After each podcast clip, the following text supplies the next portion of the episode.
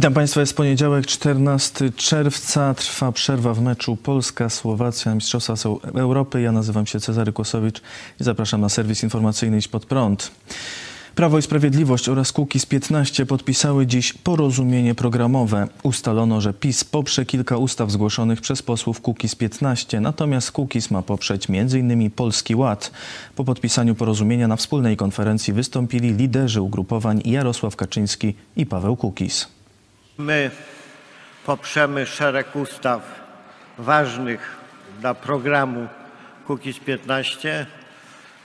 Na początku pójdą takie jak antykorupcyjna, o dniu referendalnym, no i bardzo ważna o sędziach pokoju. Ona została już przygotowana w ten sposób, że będzie zgodna z polską konstytucją.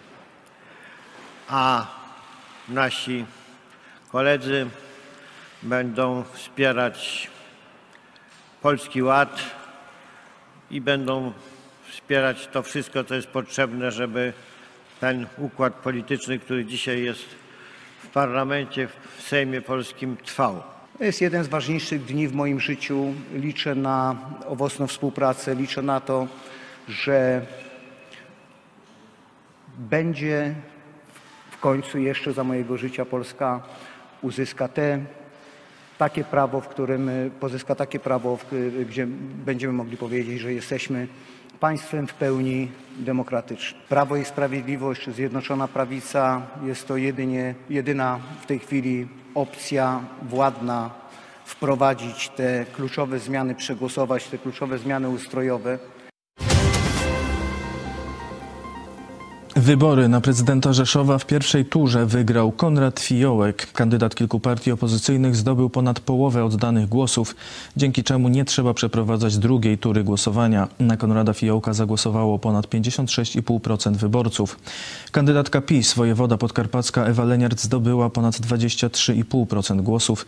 Marcin Warchoł, do niedawna polityk Solidarnej Polski, wiceminister sprawiedliwości, popierany przez ustępującego prezydenta Tadeusza Ferenca, osiągnął wynik 10 10,7%, a kandydat Konfederacji Grzegorz Braun skończył na ostatnim miejscu z wynikiem 9,15%.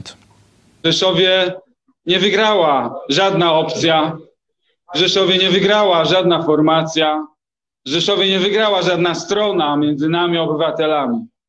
W Rzeszowie tak naprawdę zwyciężyła jedność. Jestem głęboko przekonany, że w Polsce w której tak silne są dzisiaj jeszcze podziały. Już wkrótce, także i w całej Polsce, zwycięży ta jedność. I stąd z Rzeszowa zacznie się powrót do samorządności, do wolności i do demokracji. Wybory w Rzeszowie odbyły się po tym, jak Tadeusz Ferenc, który był prezydentem miasta od 2002 roku, ustąpił ze stanowiska w lutym. Konrad Fiołek od wielu lat był radnym Rzeszowa. W 2001 roku zajął miejsce Tadeusza Ferenca, który został wtedy wybrany na posła. W 2002 roku dostał się do Rady Miasta z listy SLD-UP. Później konsekwentnie startował z Komitetu Rozwój Rzeszowa Tadeusza Ferenca. Fakt, że Ferenc w wyborach poparł nie jego, ale Marcina Warchoła, polityka Solidarnej Polski, był zaskoczony zaskoczeniem. Jednak wyborcy Ferenca w większości nie posłuchali jego zalecenia i zagłosowali na kandydata opozycyjnego. Rzeszowskie wybory pokazały też podział w Zjednoczonej Prawicy. Partie koalicyjne poparły dwoje różnych kandydatów. Premier Mateusz Morawiecki stwierdził dziś, że ta lekcja zostanie odrobiona. Gratuluję zwycięzcy, ale warto też zauważyć, że w Rzeszowie zwycięzca, mm, który był popierany przez całą opozycję, otrzymał o ładnych kilka procentowych, punktów procentowych mniejszy wynik, słabszy wynik, gorszy niż ten z 2018 roku, kiedy też ówczesny prezydent pan Tadeusz Ferenc był popierany przez całą opozycję. Z naszej strony oczywiście zdecydowanie lepiej by było, gdyby była jedna kandydatka, jedna kandydatura, to wprost trzeba powiedzieć. Myśmy o tym bardzo wyraźnie mówili, nakłanialiśmy naszych koalicjantów. Stało się inaczej. Dobrze, że ta e, drobna lekcja e, może zostać odrobiona na przykładzie jednych wyborów e, w Rzeszowie i Rafał Trzaskowski, wiceprzewodniczący PO, zwrócił uwagę, że nie tylko wybory w Rzeszowie dały zwycięstwo kandydatowi niepopieranemu przez PiS, jak napisał na Facebooku. W pierwszej turze wygrywa także Wiktor Barański, który będzie nowym gospodarzem gminy Tarnowiec. Natomiast wybory uzupełniające na wójta gminy Warlubie Również w pierwszej turze wygrał Eugeniusz Kłopotek. Sylwia Dąbrowska, kandydatka na burmistrza miasta Boguszowa-Gorc, zwycięża w pierwszej turze na przekór i pomimo tak dużego rządowego finansowego wsparcia dla jej kontrkandydata. Moje gratulacje dla wszystkich. To świetne wyniki i dobry sygnał dla Polski. Jarosław Gowin, lider koalicyjnego porozumienia, powiedział w programie Tweet Wirtualnej Polski: W wyborach w Rzeszowie ponieśliśmy dającą do myślenia porażkę. To dzwonek alarmowy. Jeżeli nie przekroczymy podziałów, które spiętrzyły się w Zjednoczonej Prawicy, to wyborcy w wyborach parlamentarnych mogą pokazać nam czerwoną kartkę. Wyniki wyborów skomentował Widź pod prąd na żywo pastor Paweł Chojecki.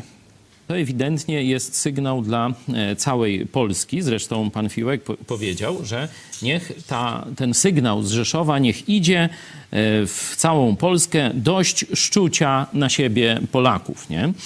E, to rzeczywiście widać, że opozycja tutaj odrobiła lekcję i no, przygotowała się też do tego zwycięstwa. Od razu w pierwszy ten dzień powyborczy nadaje komunikat, że idzie E, po Warszawę, że tu chodzi o zwycięstwo w całej Polsce, o odsunięcie tej ekipy e, katolicko-komunistycznej od e, niszczenia państwa polskiego. Kaczyński traci grunt pod nogami. Atakują go już ko koalicjanci wewnętrzni. Polacy mają już dosyć kato komuny, mają już dosyć tego sojuszu tronu i ołtarza, mają już dosyć buty Jarosława Kaczyńskiego i jego przydupasów. Koniec.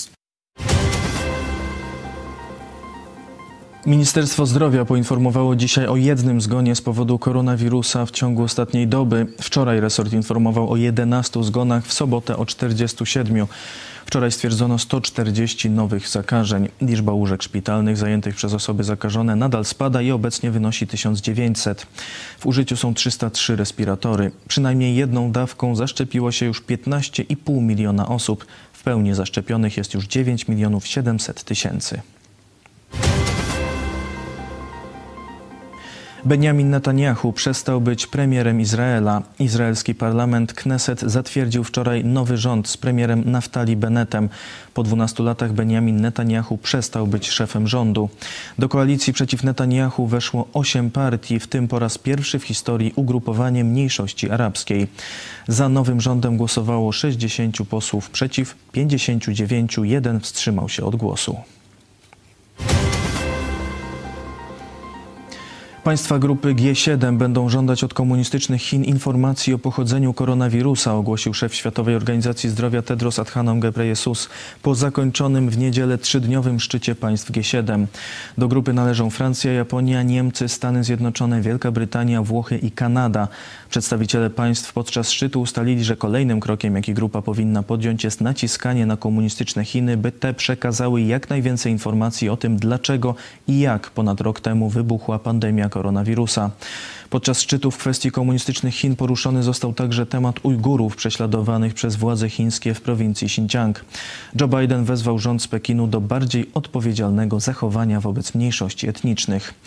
Planom grupy wobec komunistycznych Chin sprzeciwiać się mieli kanclerz Niemiec Angela Merkel oraz premier Włoch Mario Draghi, który według dziennika Bild, którzy według dziennika Bild mieli wyrażać obawy, że grupa G7 zacznie być postrzegana jako blok antychiński. Prezydent Stanów Zjednoczonych podczas szczytu stwierdził, że jego kraj powrócił do stołu dyskusji międzynarodowych. Ameryka powraca do przewodzenia światu wraz z narodami, które podzielają nasze najważniejsze wartości. Myślę, że uczyniliśmy postęp w odbudowie wiarygodności Ameryki wśród naszych najbliższych przyjaciół. Wszyscy przy stole rozumieją zarówno powagę stojących przed nami wyzwań, jak i odpowiedzialność naszych dumnych demokracji za wzmocnienie działań na rzecz reszty świata, powiedział amerykański prezydent.